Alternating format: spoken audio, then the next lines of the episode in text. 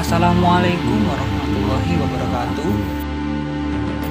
Perkenalkan nama saya Satrio Ahmad Faiz, absen 34 Dan saya Salim Maulid Ahmad, absen 33 Kami dari kelas 11 MIPA 1, MAN Kota Surabaya. kita akan membahas sebuah topik tentang bagaimana jalur jalannya proklamasi kemerdekaan bangsa Indonesia. Nah, menurutmu gimana sih? Kok bisa ya Indonesia memproklamasikan kemerdekaannya? Kan waktu itu Indonesia lagi dijajah sama Jepang. Apalagi yang aku tahu kalau Jepang kan penjajah yang paling menyengsara, menyengsarakan rakyat Indonesia. Pasti nggak akan mungkin ngasih gitu aja. Gini-gini, dulu itu pas awal Jepang masuk ke Indonesia pernah janji sama rakyat dan pemerintah Indonesia. Janjinya itu akan memberikan kemerdekaan untuk Indonesia. Cuma itu sebenarnya buat mengambil hatinya rakyat dan pemerintahan Indonesia saja, biar dapat dukungan untuk kepentingan Jepang. Lah, terus gimana? Apa secara sembunyi-sembunyi? Atau ada perjanjian khusus yang akhirnya Indonesia bisa merdeka dan diakui oleh negara internasional? Pastinya sih nggak mungkin.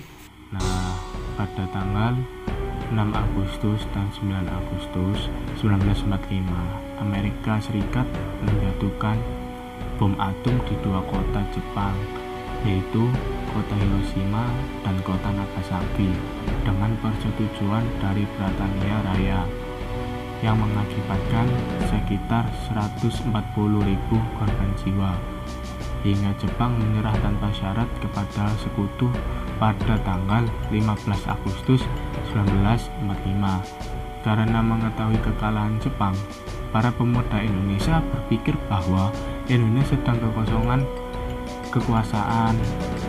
Hingga pada saat itu, golongan pemuda mendesak golongan tua agar segera memproklamasikan kemerdekaan. Dan pada tanggal 17 Agustus 1945 Indonesia memproklamasikan kemerdekaannya. Oh, iya sih bener-bener baru ingat aku.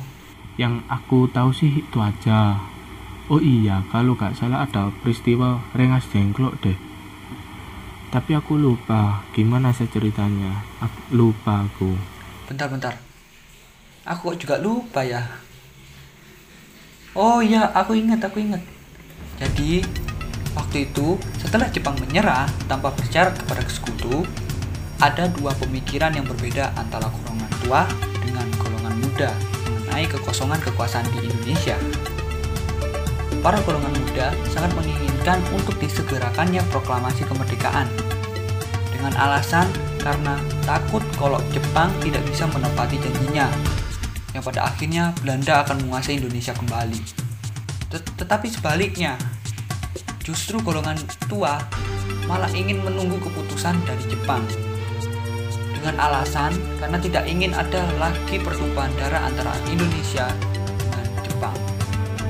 Hingga akhirnya para golongan muda sepakat untuk mengamankan Soekarno dan Hatta ke Rengas Dengklok agar jauh dari pengaruh Jepang. Setelah peristiwa Rengas Dengklok, rombongan Soekarno dan Hatta dibawa oleh Ahmad Soebarjo ke Jakarta menuju rumah Nishimura untuk menyampaikan rencana persiapan pelaksanaan kemerdekaan. Tapi Nishimura menolak untuk memberi bantuan kepada Indonesia dengan alasan sudah mendapat perintah dari pihak serikat atau pihak Amerika Serikat untuk tidak mengubah status dan keadaan di Indonesia. Soekarno, Soekarno pun menyimpulkan bahwa Jepang tidak akan bisa membantu Indonesia. Oh iya, baru ingat aku. Terus akhirnya para rombongan Soekarno pergi ke rumah Laksamana Tadashi Maeda kan, yang merupakan perwira angkatan laut Jepang. Soalnya di sana tempat paling aman dari Rikugun. Eh, Rikugun itu emang apa sih, Lim? Rikugun itu angkatan daratnya Jepang atau biasanya disebut Kampetai. Oh, siapa aja ya yang nyusun naskah proklamasi ya? Yang menyusun naskahnya itu cuma tiga orang, yaitu Soekarno, Hatta, dan Ahmad Subarjo. Tapi ada empat yang menyaksikan perumusan naskah proklamasi, yaitu Miyoshi, Sukarni, Sudiro, dan dia. Setelah selesai dibahas, naskah tersebut diserahkan kepada Sayuti Melik untuk diketik dan dicetak hingga akhirnya selesai jam 2 pagi tanggal 17 Agustus 1945. Waktu itu para pemimpin dan pemuda sepakat untuk memproklamasikan kemerdekaan Indonesia di Rumah Soekarno, Jalan Pagangsaan Timur nomor 56 pada jam 10 pagi tanggal 17 Agustus 1945.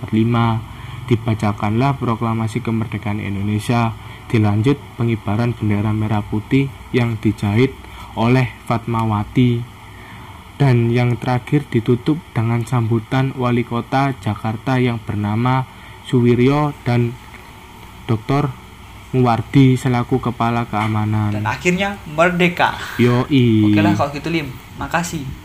Kalau gitu kita tutup saja podcastnya. Kurang lebihnya mohon maaf. Terima kasih untuk para pendengar. Wassalamualaikum warahmatullahi wabarakatuh.